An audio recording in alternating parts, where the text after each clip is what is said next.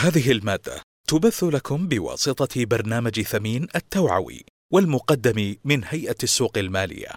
يهدف البرنامج إلى رفع مستوى الثقافة المالية والاستثمارية، حيث يقوم بتقديم رسائله التوعوية عن طريق الكتيبات والفيديوهات والمنشورات المنوعة، بالإضافة إلى اللقاءات وورش العمل. ولمعلومات أكثر عن البرنامج يمكنكم زيارة موقع ثمين الإلكتروني ثمين.org.sa والآن نترك مسامعكم مع الكتيب التالي دليل المستثمرين الشباب مقدمة يمكن أن يكون الاستثمار وسيلة لزيادة الأرباح وتحقيق الأهداف المالية. ومع ذلك من الضروري اتخاذ القرارات الاستثمارية الصائبة وتجنب المخاطر مثل شراء الأسهم وبيعها بناء على الشائعات والمعلومات المغلوطة أو الاكتفاء بمجال استثماري واحد إذ أن الهدف الذي يجب عليك تحقيقه يكمن في تراكم الأصول وعدم خسارة أي منها في النهاية. هذا الكتيب يساعدك في التعرف على الاستثمار وأنسب استراتيجياته، وكيفية قياس أداء السوق المالية خاصة المحافظ الاستثمارية، للحصول في النهاية على أنسب العائدات الاستثمارية. ويناقش هذا الكتيب كذلك المخاطر الاستثمارية والاستراتيجيات التي يمكنها أن تحد من المخاطر وكيفية اتخاذ القرارات الاستثمارية وتجنب الأخطاء والاستفادة من الفرص والمزايا التي تؤمنها العملية الاستثمارية ككل. الباب الأول. نظرة عامة إلى أسس الاستثمار. لماذا نستثمر؟ إذا لم يكن لديك أموال كافية لشراء ما تريده فإن الاستثمار الجيد يساعدك بمرور الوقت على جمع ما تحتاج إليه من أموال. فعلى سبيل المثال يمكنك من خلال الاستثمار تنمية ثروتك توفير الدخل. تحقيق أهدافك على المدى القصير والمتوسط مثل شراء حاسوب جديد أو سيارة جديدة أو نحو ذلك. تحقيق أهدافك على المدى الطويل مثل شراء منزل جديد أو تأمين مستقبلك عند إحالتك للتقاعد. يمكن أن يحميك الاستثمار من التضخم الذي يعني استمرار ارتفاع أسعار المواد والخدمات ومن المعلوم أن التضخم يؤدي إلى ضعف قيمة الريال مما يعني حاجتك إلى الكثير من المال للمحافظة على نفس مستوى المعيشة.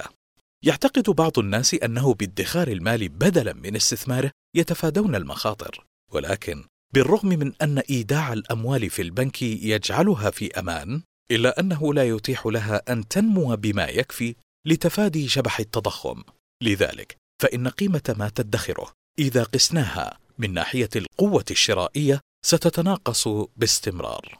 ومن ناحية ثانية إذا كانت محفظتك الاستثمارية تعود عليك بأرباح تزيد على 7% معدل التضخم مثلا فسيكون بإمكانك المحافظة على القوة الشرائية لأموالك. أما إذا كانت استثماراتك تعود عليك بنسبة 10% فإنك ستكون بمنأ عن التضخم وتبدأ في هذه الحالة تكوين ثروتك.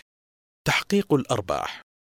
على العكس من التضخم فإن زيادة الأرباح تتيح لك استغلال الوقت لمصلحتك لزيادة قيمة استثماراتك باستمرار وتتضاعف أموالك عند إعادة استثمار الأرباح التي حققتها أو عند شراء المزيد من الأسهم بالأموال التي جنيتها من استثماراتك وعند إضافة أرباحك إلى حساب استثماراتك فإنك تزيد من حجم رأس مالك الأساسي مما يزيد بالتالي من مقدار هذه الأرباح. في حالة استثمار عشرين ألف ريال على سبيل المثال في أسهم ذات عوائد بنسبة 9% سنويا لخمس سنوات وإعادة استثمار أرباحك سنويا فلن تكسب فقط 1800 ريال سنويا 9% من 20 ألف ريال بل سيكون نمو أموالك الفعلي كالتالي. الرصيد في بداية السنة الأولى يساوي عشرين ألف ريال زائدا أرباح السنة الأولى ألف وثمانمائة ريال يساوي واحدا وعشرين ألفا وثمانمائة ريال زائدا أرباح السنة الثانية ألف وتسعمائة واثنان وستون ريالا. الرصيد في بداية السنة الثالثة ثلاثة وعشرون ألفا سبعمائة واثنين وستين ريالا. زائدا أرباح السنة الثالثة ألفان ومئة وتسعة وثلاثون ريالا. الرصيد في بداية السنة الرابعة خمسة وعشرون ألفا وتسعمائة وريال. زائدا أرباح السنة الرابعة ألفان وثلاثمائة وواحد وثلاثين ريالا. الرصيد في بداية السنة الخامسة ثمان وعشرين ألفا ومائتين واثنين وثلاثين ريالا. زائدا أرباح السنة الخامسة ألفان وخمسمائة وأربعين ريالا. الرصيد في نهاية السنة الخامسة ثلاثون ألفا سبعمائة واثنين وسبعين ريالا. أي أن استثمارك المبدئي سيحقق ربحا بنسبة تقارب 54% من قيمته الأساسية. مخاطر الاستثمار لا يوجد استثمار بدون مخاطر، ولكن معرفة هذه المخاطر ومصادرها يمكن أن يساعدك في وضع استراتيجية استثمار تحميك من الخسائر بإذن الله. إن بعض المخاطر التي قد تواجهك كمستثمر هي بسبب عدم الاستقرار السياسي أو تدهور الاقتصاد العالمي، وفي بعض الأحيان يعاني منها فقط اقتصاد منطقة أو دولة معينة، وفي حالات أخرى فإن المخاطر قد تكون بسبب تباطؤ صناعة معينة، ويجب عليك توخي الحذر، لأن منتجات السوق المالي تنطوي على نسبة مخاطر أعلى من المنتجات الأخرى. خسارة رأس المال. عند استثمارك في أي شركة يمكن أن تربح أو تخسر. ويعتمد ذلك على أداء هذه الشركة. فإذا كان أداؤها جيدا وحققت أرباحا فإن استثمارك في هذه الشركة تزيد قيمته وقد تحصل على أرباح. ولكن إذا كان أداء الشركة سيئا فقد يفقد استثمارك قيمته. تقلب الأسعار. تقلب الأسعار هو أحد مخاطر الاستثمار أو مقدار احتمال تغير سعر الأسهم على المدى القصير. وكلما زاد تذبذب السعر زادت المخاطر. المخاطر والعائد. هناك علاقة مباشرة بين العائد والمخاطر مما يعني أنه كلما زاد احتمال الخسارة زاد احتمال تحقيق أرباح. وأحد مفاتيح نجاح الاستثمار هو إيجاد طريقة توازن بين المخاطر والأرباح في محفظتك الاستثمارية. التنويع استراتيجية لتخفيف المخاطر. بما أن مستوى المخاطر يختلف باختلاف الاستثمارات فإن أفضل طريقة لحماية نفسك من هذه المخاطر هي تنويع استثماراتك بتوزيعها على فئات مختلفة من المنتجات الاستثمارية مثل الأسهم والصكوك والعقارات. كذلك ينبغي توزيع الاستثمارات على شركات مختلفة من كل فئة، والهدف من ذلك هو التخفيف من المخاطر وحماية نفسك في حالة انهيار السوق. معرفة مدى تحملك للمخاطر. لدى بعض المستثمرين الاستعداد لتحمل المخاطر أكثر من الآخرين، ويتأثر مدى تحملك للمخاطر بشكل عام بعدة عوامل مثل السن ووضعك المالي ووضعك الوظيفي أو حتى شخصيتك. فعلى سبيل المثال، بعض المستثمرين يتحملون الكثير من المخاطر ولديهم القدرة على التعامل مع الخسائر في استثماراتهم، فيكون لديهم الاستعداد للاستثمار في الشركات ذات المخاطر العالية، حيث يمكن أن تكون فرصة لأرباح عالية. أما المستثمرون المتحفظون فيميلون إلى الاستثمارات التي لا تنطوي على مخاطر، ولكن مردودها أقل من تلك الاستثمارات التي تنطوي على مخاطر عالية. وربما يتغير تحمل المخاطر بتغير أهدافك المالية أو عند تحقيق أهداف معينة مستقبلا. على سبيل المثال، قد ترغب في التحول إلى استثمارات أقل خطرا بعد عدة سنوات من تحقيق أهداف معينة. في هذه الحالة، إذا حصل أي انهيار مفاجئ للسوق في الوقت الذي تكون فيه بحاجة إلى المال، فإنك لن تجد نفسك قد حققت أقل مما خططت له. الباب الثاني: التخطيط المالي. لإدارة أموالك بشكل فعال، يجب أن يكون لديك خطة مالية، وهي بيان مكتوب يوضح أهدافك الاستثمارية والاستراتيجيات اللازمة لتحقيقها، وتتضمن هذه الخطة ما يلي: ملخص أصولك القائمة، قائمة بالأهداف المالية الأساسية والإطار الزمني لتحقيقها، قائمة بأنواع الاستثمارات التي تحتاجها لتحقيق هذه الأهداف. جدول تنفيذ هذه الاستثمارات. علما أن التخطيط المالي هو عملية مستمرة إذ يجب تقييم مدى تقدمك في تحقيق الأهداف وتحديث قائمة الأهداف أو برنامجك بانتظام، وتعديل الاستراتيجيات بحسب المتغيرات الحاصلة في وضعك المالي. تحديد الأهداف قد يكون لديك عدة أهداف مختلفة، يمكن أن تكون مباشرة وبسيطة على المدى القصير أو المدى الطويل، وأفضل طريقة لتحديد أهدافك هي رسمها بحسب الوقت المطلوب تحقيقها خلاله. الأهداف على المدى القصير هي تلك الأهداف التي تأمل في تحقيقها خلال السنة القادمة أو السنتين القادمتين. وللاستثمار من أجل تحقيق هذه الأهداف عليك أن تحافظ على أمن وسيولة أموالك، بحيث تكون جاهزة ومتوافرة عند حاجتك إليها. ويجب عليك عدم المخاطرة بالأموال المخصصة لتحقيق أهداف على المدى القصير في استثمارات غير مضمونة العواقب. الأهداف على المدى المتوسط. وهي تلك الأهداف التي تتوقع تحقيقها خلال عشر سنوات وقد تشمل هذه الأهداف شراء منزل أو ممارسة عمل تجاري أو تسديد مصاريف التعليم. ويمكنك تحمل بعض المخاطر عند استثمارك لتحقيق أهداف على المدى المتوسط. إذا كان سيتم تحقيقها على مدى عدة سنوات. ولكن نظرا لضيق الوقت فإنك قد ترغب في بيع الاستثمارات العالية المخاطر وإيداع الأموال في حساب أكثر أمنا. الأهداف على المدى الطويل. وهي الأهداف المستقبلية التي سيتم تحقيقها على مدى يزيد عن عشر سنوات. وبالنسبة إلى معظم الناس فإن الهدف الأساسي الطويل الأجل من هذه الاستثمارات هو تأمين متطلبات الحياة بعد الوصول إلى سن التقاعد ويقع ضمن هذه الفئة أيضا ضمان مستقبل أبنائك أو الرغبة في ممارسة عمل تجاري وبما أنك تستثمر من أجل النمو فبإمكانك تحمل المزيد من مخاطر الاستثمار من أجل تحقيق أهدافك على المدى الطويل. طلب المشورة يسعى الكثير من الأشخاص إلى مشورة مهنية عند تنفيذ أو وضع أي خطة مالية، وأحد مزايا العمل مع جهة مهنية متخصصة هو أنها تعطيك حافزا إضافيا لبدء الاستثمار والتركيز على خطتك ويمكنك الاستعانة بأصدقائك أو أفراد أسرتك الذين لديهم خبرة في هذا المجال لإحالتك إلى الجهات المهنية المتخصصة في التخطيط المالي التي يتعاملون معها. كذلك يمكنك بحث احتياجاتك من التخطيط مع الأشخاص المرخص لهم لتقديم خدمات المشورة. الباب الثالث كيف تبدأ الاستثمار؟ المال المطلوب استثماره.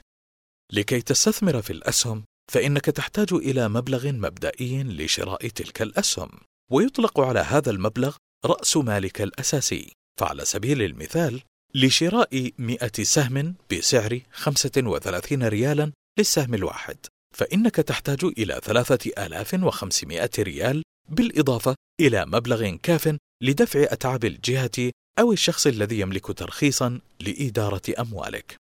المدخرات. إذا كان لديك مدخرات عبر السنين، فإنه قد يكون بإمكانك بدء الاستثمار فورا، وإذا لم يكن لديك حساب ادخار توفر فيه الأموال اللازمة للاستثمار، فأول شيء يجب عليك فعله هو فتح حساب ادخار، ولا تحتاج إلى مبلغ كبير لفتح هذا الحساب، ولكن عليك إيداع المال فيه بانتظام لتكوين رصيد. وإذا ما قمت بإيداع نسبة لا تقل عن 10% باستمرار وربما 15% من قيمة كل شيك تحصل عليه في حسابك فسيمكنك خلال فترة قصيرة تكوين رأس المال الأساسي اللازم لبدء الاستثمار كما يجب عليك توفير معظم الدخل غير المتوقع مثل المكافآت أو المنح التي تحصل عليها. بل يمكنك أن تطلب من عائلتك إيداع المبالغ التي ينوون منحك إياها في حسابك الخاص بالاستثمار حتى لا تنفقها.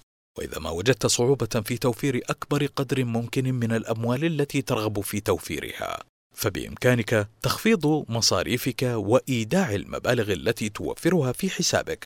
تذكر أنه عليك دائما الاحتفاظ بدخل ثلاثة إلى ستة شهور في البنك للحالات الطارئة وتغطية أي مصاريف غير متوقعة ويفضل عدم استثمار هذا المبلغ من المال حتى يبقى للحالات الطارئة. مخاطر الاقتراض قد ترغب في اقتراض أموال من عائلتك أو استخدام المبالغ التي وفرتها لتغطية المصاريف الضرورية في زيادة المبلغ الذي ستستثمره، ولكن هذا الأسلوب محفوف بالمخاطر، فإذا ما خسرت أموالك فإنك قد تجد صعوبة في تسديد المبالغ التي اقترضتها. بالإضافة إلى ذلك، لن يتوفر لديك المال الكافي لاستثماره، ولن تكون في وضع يسمح لك بتكوين ثروة. ما المبلغ المطلوب استثماره؟ عند بدء الاستثمار عليك تحديد نسبة من رأس مالك الأساسي تخصصها لكل نوع من الاستثمارات المختلفة، واضعا نصب عينيك النمو والأمانة لرأس مالك، حيث يساعدك النمو على تحقيق أهدافك الاستثمارية ويؤمن لك الأمان والسلامة في حال انهيار السوق.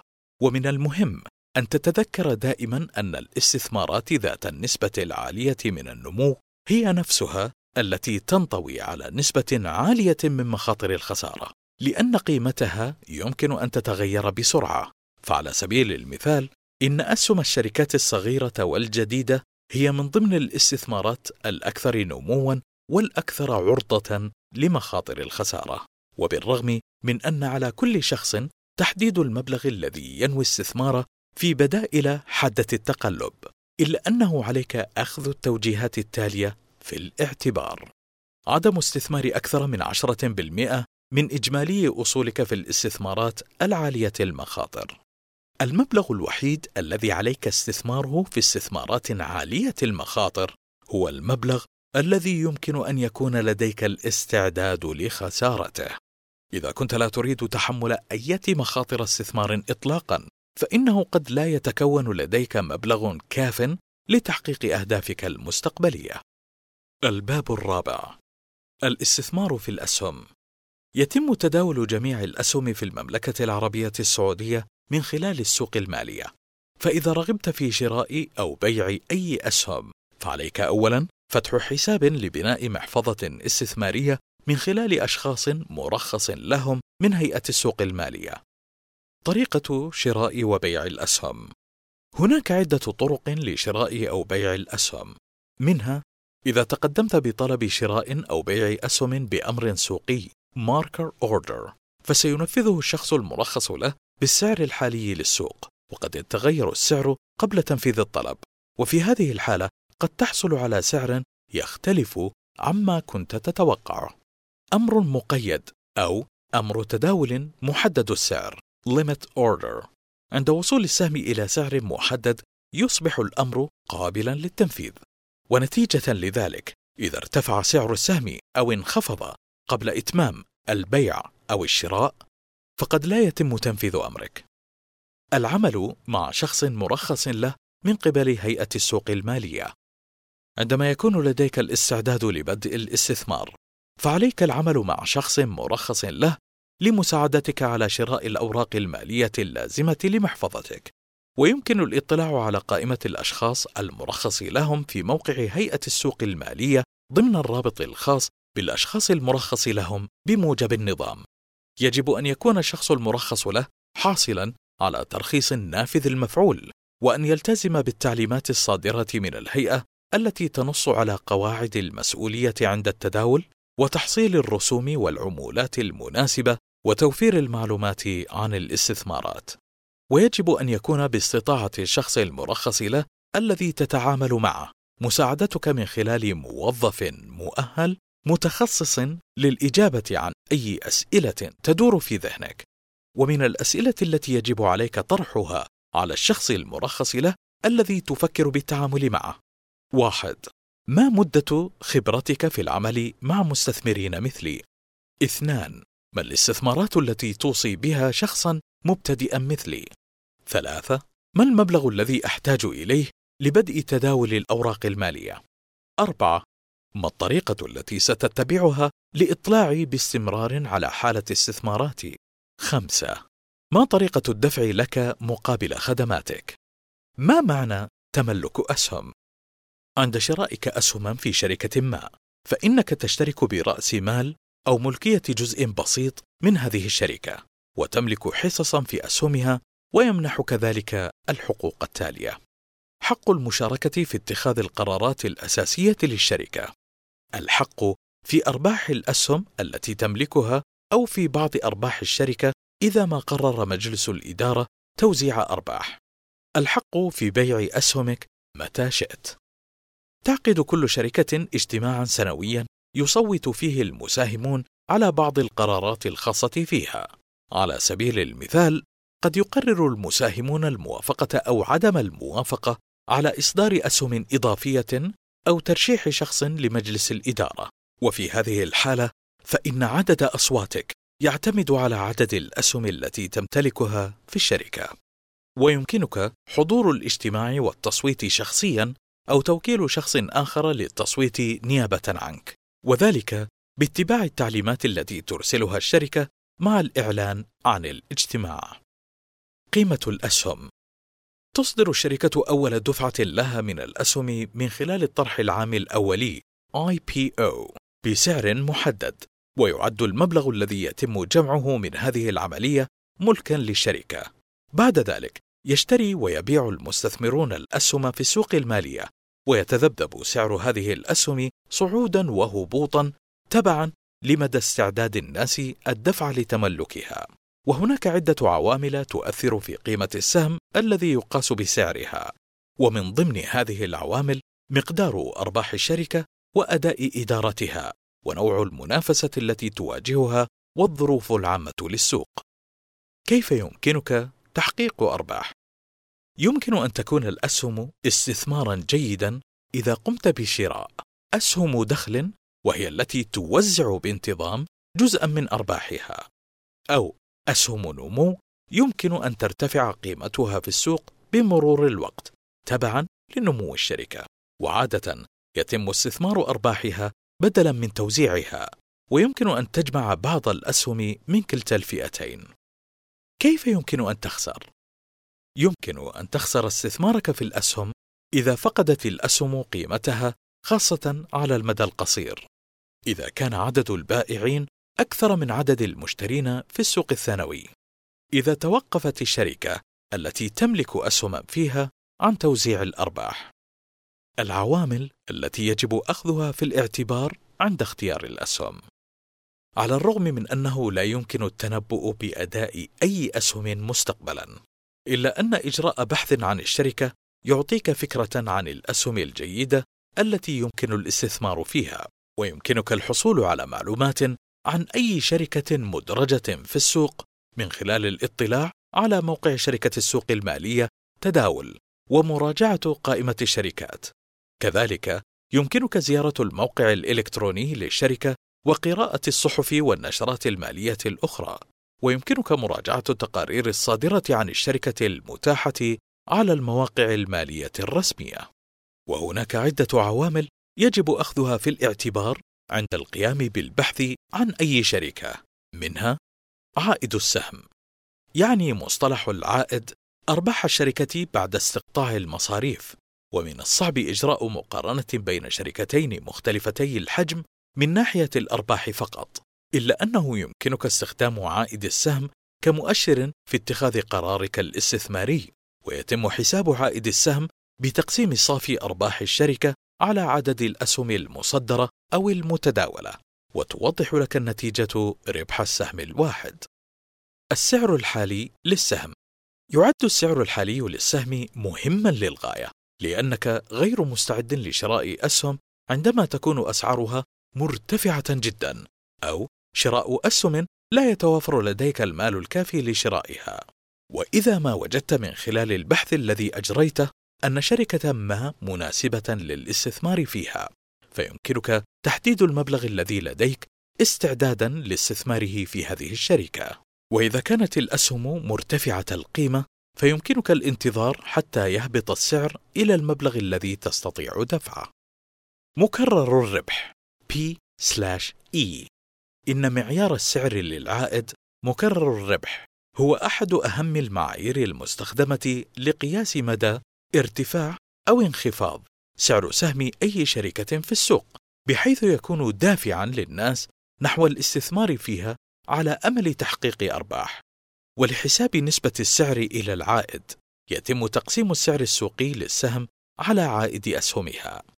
على سبيل المثال إذا كان سعر السهم 55 ريالا والعائد ريالين للسهم فإن حساب مكرر ربح السهم يكون كالتالي سعر السهم يساوي 55 ريالا.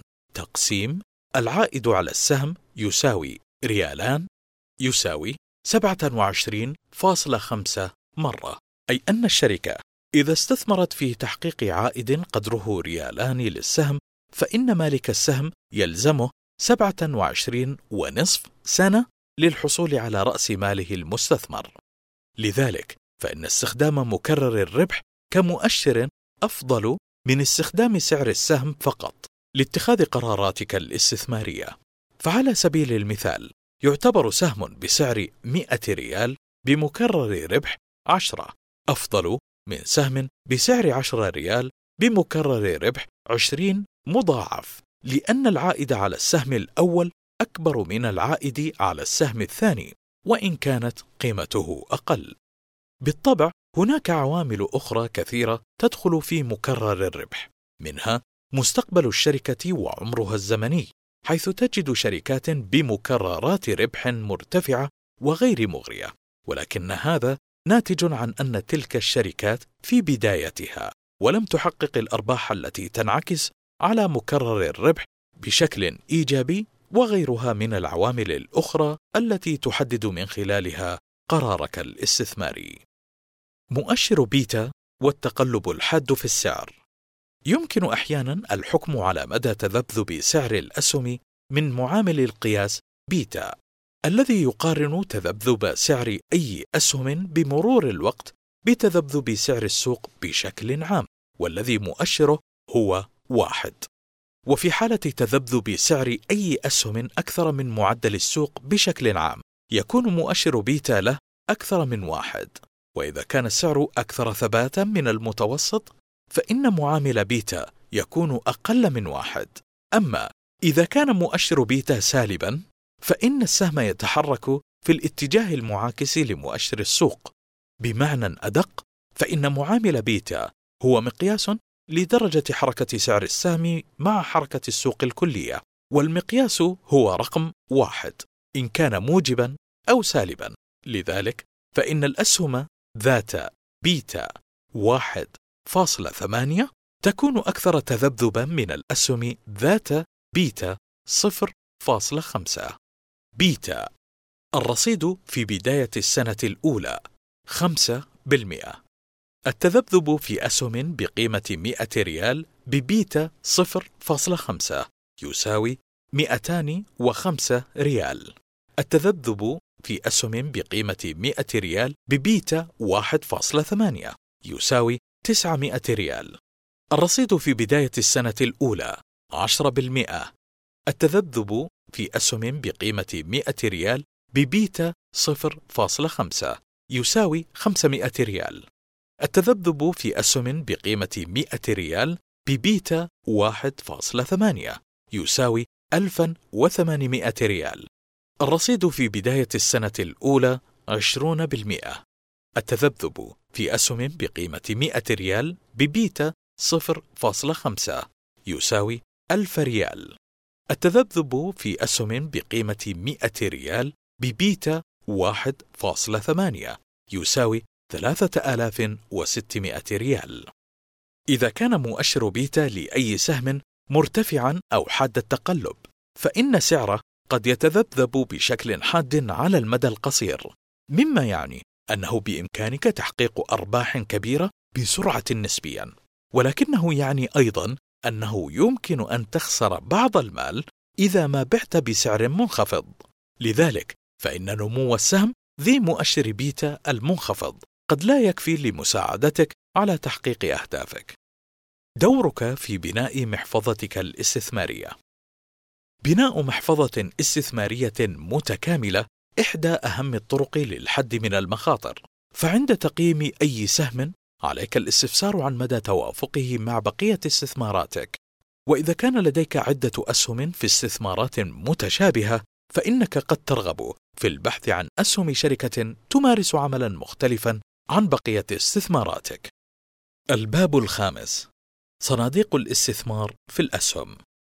أحيانا يكون من الصعب تحديد الأسهم المناسبة لمحفظتك الاستثمارية إضافة إلى أن تجميع رأس المال الأساسي اللازم لشراء عدة أسهم مختلفة قد يستغرق وقتا طويلا علما بأن الاستثمار في الصناديق الاستثمارية هو أحد البدائل الجذابة التي تغنيك عن ذلك حيث يقوم مدير محترف بإدارة كل منها وهو يحدد الأسهم التي يشتريها الصندوق ووقت بيعها. وبدلا من تملك أسهم دفعة واحدة بإمكانك أنت والمستثمرون الآخرون تملك أسهم من خلال صندوق الاستثمار الذي يقوم بتجميع المال واستخدامه في الاستثمار في عدة شركات من قطاعات مختلفة. وتكون النتيجة محفظة أسهم ضخمة ومتنوعة. ويقوم كل مستثمر في صناديق الاستثمار بدفع قيمة استثماره بعدد الوحدات التي يشتريها في الصندوق مضروبا بسعر وحدة الصندوق. وعندما يكون أداء الصندوق إيجابيا فإن ذلك سينعكس على سعر الوحدة.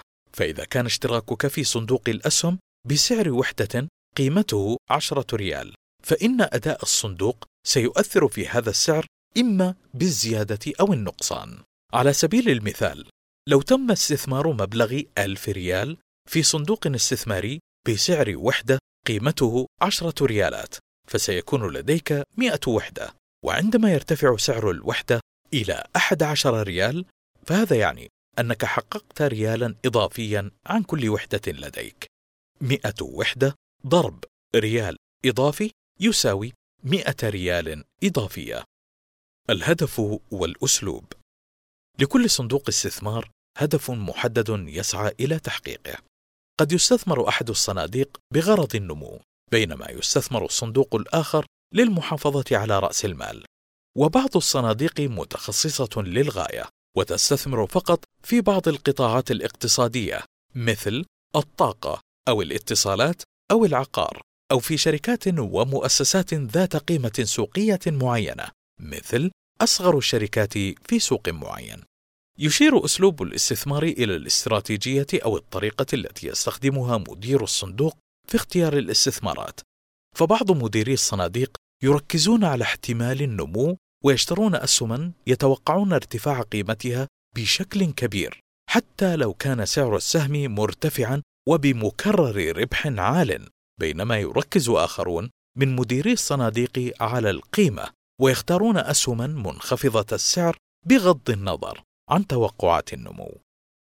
مستندات طرح صندوق الاستثمار لدراسة أي صندوق استثمار يمكن الاطلاع على مستندات طرح الصندوق التي تعد وثائق رسمية تتضمن معلومات محددة عن الصندوق ويجب أن تتضمن مستندات الطرح ما يلي: معلومات عن الأداء السابق للصندوق، مقارنة أدائه بمؤشر القياس، مؤشر استثمارات مشابهة، هدف الصندوق وأسلوبه المتبع في الاستثمار، مستوى المخاطر التي تواجه الصندوق، رسوم الصندوق ونسبة المصاريف ومصاريف البيع في حال وجودها.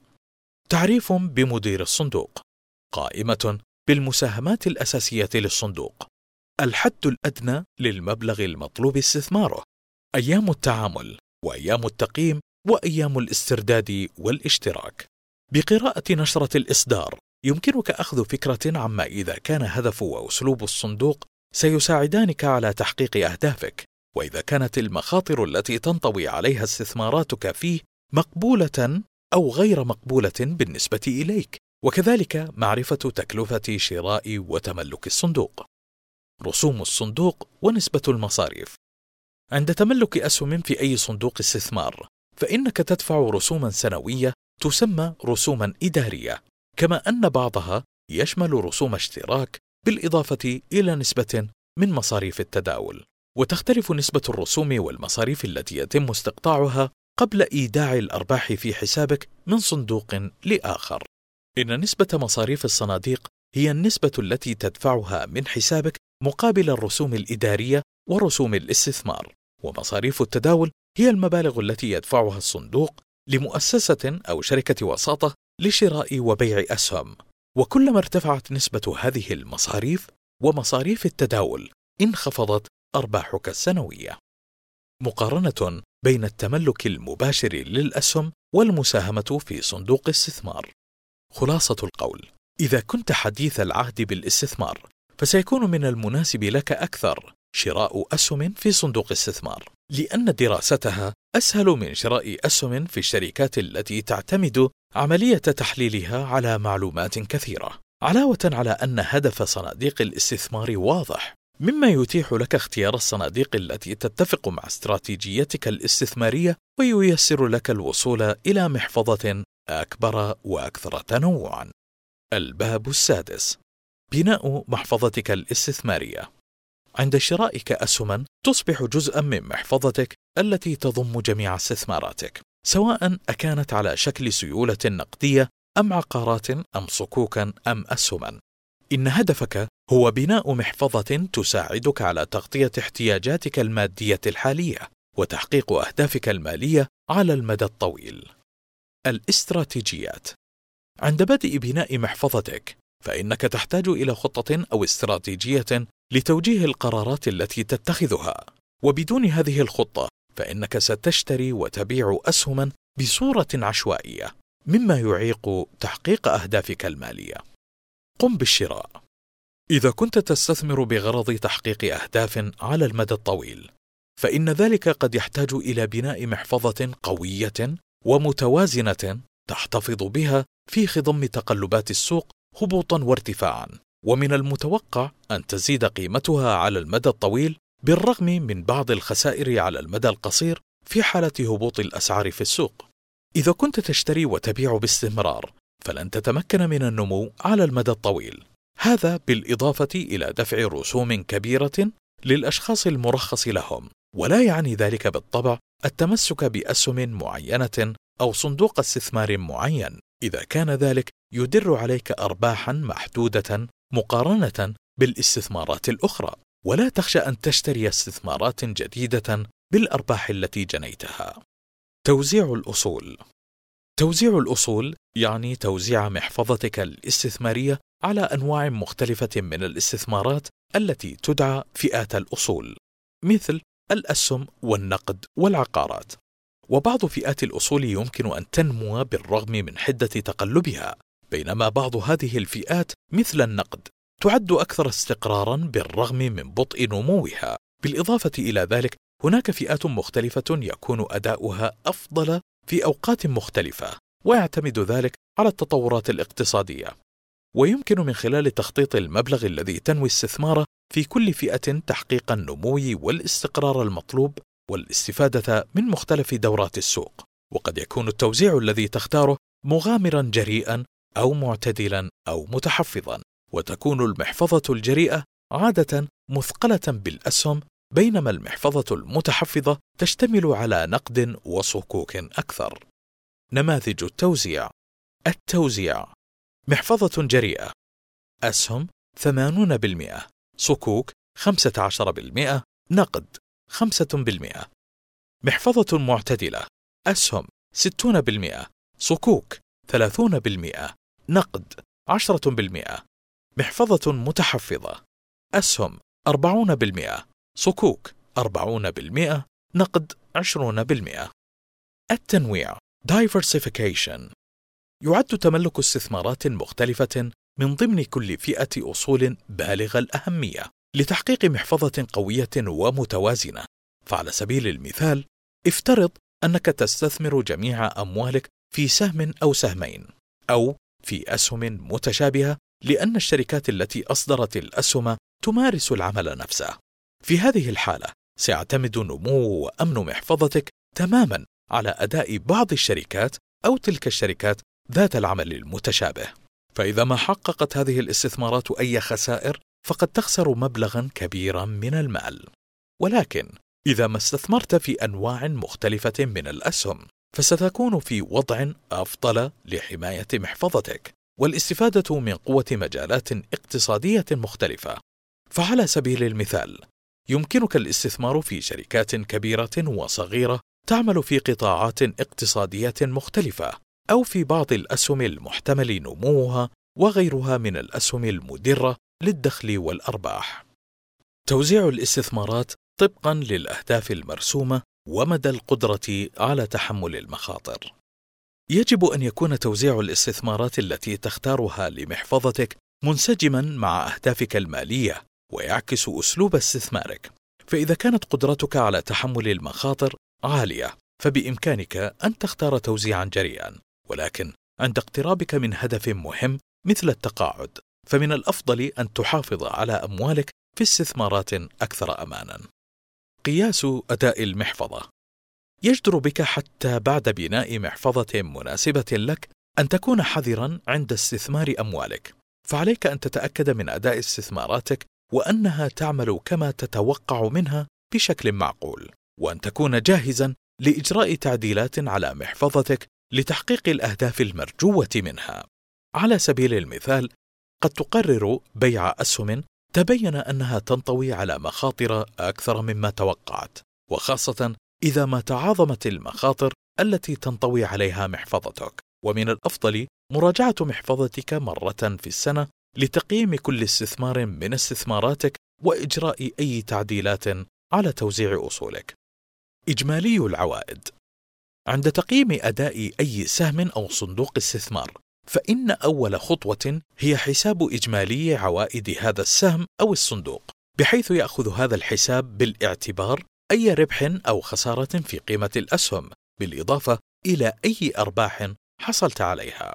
إذا كنت تمتلك استثمارات مختلفة، فقد تجد صعوبة في تقييم ومقارنة أداء بعضها مع بعض. ولتقييم أداء هذه الاستثمارات يمكنك حساب نسبة ربح كل منها، وذلك بتقسيم إجمالي العائد على التكلفة المبدئية للاستثمار. على سبيل المثال، في حالة استثمارك مبلغ 3700 ريال في أسهم بلغ إجمالي عائدها 750 ريالا فإن نسبة ربحك ستكون 20% وفي حالة استثمار مبلغ 70 ألف ريال في أسهم إجمالي عائدها 8500 ريال فإن نسبة ربحك ستكون 12% فقط. لذلك في هذه الحالة فإن الاستثمار البسيط قد يكون أفضل أداء. إجمالي العائد 750 ريالا. تقسيم سعر الشراء 3700 ريال يساوي 20% استخدام مؤشرات القياس benchmarks. بالإضافة إلى حساب العائد لتقييم استثماراتك يمكنك أيضا تقييم أداء استثماراتك من خلال مقارنتها بأداء السوق بشكل عام مستخدما مؤشرا أو معيار قياس. ومؤشر القياس هو عادة مؤشر يستخدم لمتابعة أداء مجموعة من الأسهم في أي سوق أو قطاع بغرض قياس أداء السوق أو القطاع بشكل عام. وبمقارنة نتائجك بأي مؤشر، فإن ذلك يعطيك فكرة عن أداء محفظتك. على سبيل المثال، إذا خسرت أسهم محفظة 5% في السنة الماضية بالرغم من تحقيق أسهم المؤشر السعودي تاسي TASI أرباحا بنسبة 15% فعليك في هذه الحالة إعادة تقييم كل استثمار من استثماراتك لفهم نتائجك المخيبة للآمال. ولكن عليك التأكد من أن المؤشر الذي تستخدمه يتابع استثمارات مماثلة لاستثماراتك لكي تكون المقارنة بين أنواع مماثلة من الاستثمارات. ومؤشر أسهم التداول أو المؤشر السعودي لجميع الأسهم أو تاسي TASI هو المؤشر الذي يتابع أداء السوق المالية ويتابع جميع أسهم الشركات المدرجة من جميع القطاعات العشرين المعتمدة في السوق المالية السعودية. متى تعيد توازن محفظتك؟ بما أن الاستثمارات في محفظتك قد تكسب أو تخسر، فإن توزيع أصولك قد يتغير، لأنه في حالة تجاوز نمو أحد الأصول نتيجة تحقيقها لأرباح ونموها للأصول الأخرى، فإن ذلك قد يؤثر سلبا في معظم محفظتك. فعلى سبيل المثال، في حالة استثمار نسبة 60% من محفظتك في أسهم و 40% في أصول أخرى، وكان أداء الأسهم قويا جدا خلال فترة زمنية معينة، فستجد توزيع محفظتك قد أصبح 64% في الأسهم و36% في الأصول الأخرى مما يعرضك للمزيد من المخاطر غير المتوقعة. وإحدى الطرق المتبعة لإعادة التوازن لمحفظتك أو تحقيق التوزيع الذي ترغب فيه يتمثل في بيع بعض الأصول الأكثر نمواً واستخدام عائداتها لشراء المزيد من الاستثمارات البطيئة النمو. بالرغم من أنك قد تتردد في بيع أصولك العالية القيمة، فإنك في الواقع تبيع بسعر عال وتشتري بسعر منخفض، وهي استراتيجية جيدة. وبإمكانك استخدام الأموال التي رصدتها للاستثمار لشراء المزيد من الأصول البطيئة النمو حتى يعود توزيعك للاستثمارات في محفظتك إلى التوازن الذي ترغب فيه. ويقوم بعض المستثمرين بإعادة توازن المحفظة مرة في السنة، غير أنك يمكن أن تتبع برنامجا مختلفا بناء على أهدافك المالية والتغيرات التي تطرأ على حياتك أو تغيير مصادر تمويلك. الباب السابع تفادي الأخطاء الشائعة يمكن أن يكون الاستثمار أداة قوية تساعدك على تحقيق أهدافك المالية، ولكن من المهم اتخاذ قرارات سليمة، لأنك معرض للكسب والخسارة، وربما تبدو بعض ممارسات الاستثمار ذكية، ولكن يمكن أن تكون نتيجتها الخسارة بدلا من الربح. التداول بشكل متكرر بالرغم من أن الاستثمارات الجديدة والواعدة قد تكون متاحة في جميع الأوقات، إلا أن الشراء والبيع بشكل متكرر ليس استراتيجية جيدة. إن معظم الاستثمارات الجيدة ترتفع وتهبط قيمتها خلال فترة زمنية طويلة، فإذا بعت بسرعة فقد تخسر الأرباح على المدى الطويل. كذلك ستخسر إذا بعت متسرعا لأن السعر قد يهبط إلى أقل من المبلغ الذي دفعته لشراء السهم، ولكنه لا يلبث أن يعود لأعلى منه إذا كان اختيارك للسهم سليما. الاحتفاظ بالسهم لفترة طويلة إن متابعتك لأداء محفظتك من فترة لأخرى سوف يزيد من قوة أدائها من خلال بيع الاستثمارات ذات الأداء الضعيف. أما احتفاظك بالأسهم التي تحقق خسائر أو ذات العائد المتدني فسوف تؤدي إلى تقليص أرباحك السنوية. لذلك من الضروري متابعة محفظتك وتقييمها بشكل دوري لمعرفة أداء أصولها ومكوناتها. البحث والتحري قبل شراء السهم. قبل أي استثمار، عليك أن تتحرى عن الشركة وممتلكاتها ووضعها المالي، وذلك من خلال قراءة النشرات المالية ومواقع الإنترنت الرسمية لمتابعة ما يجري في السوق، وعليك أيضا التحري عن الموارد المالية للشركة ومنتجاتها وخدماتها وأنشطتها.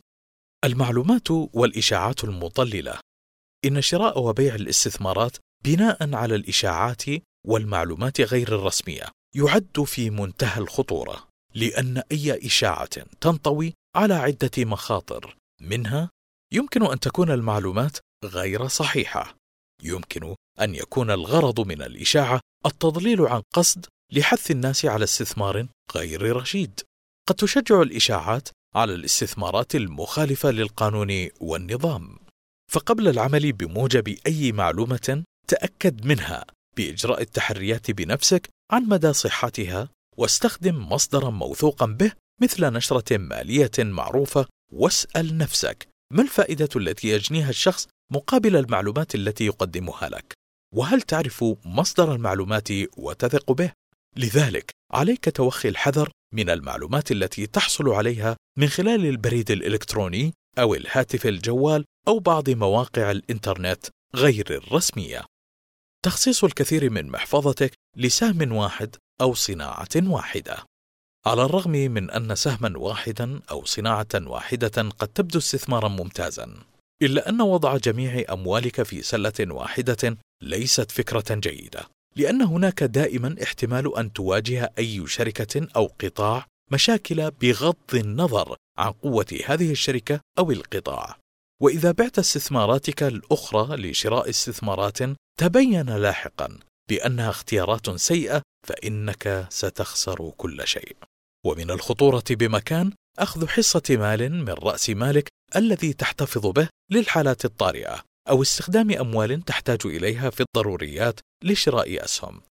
الاقتراض من أجل الاستثمار عندما تجد استثمارا تعتقد أنه سيدر عليك أموالا كثيرة فإن ذلك قد يغريك بالاقتراض من البنك أو من قريب أو صديق عزيز لاستثمار أكبر قدر ممكن من المال وتحقيق أكبر قدر ممكن من الأرباح. ولكن إذا كان أداء استثمارك بعكس ما كنت تأمل به فإنك قد تخسر المبلغ المقترض وأموالك في الوقت نفسه. لذلك من الحكمة أن تستثمر ما يتوفر لديك من المال وبناء رأس مالك بمرور الوقت. إلى هنا نصل إلى نهاية الكتيب. للمزيد من الكتيبات يرجى زيارة موقع ثمين الإلكتروني. thameen.org.sa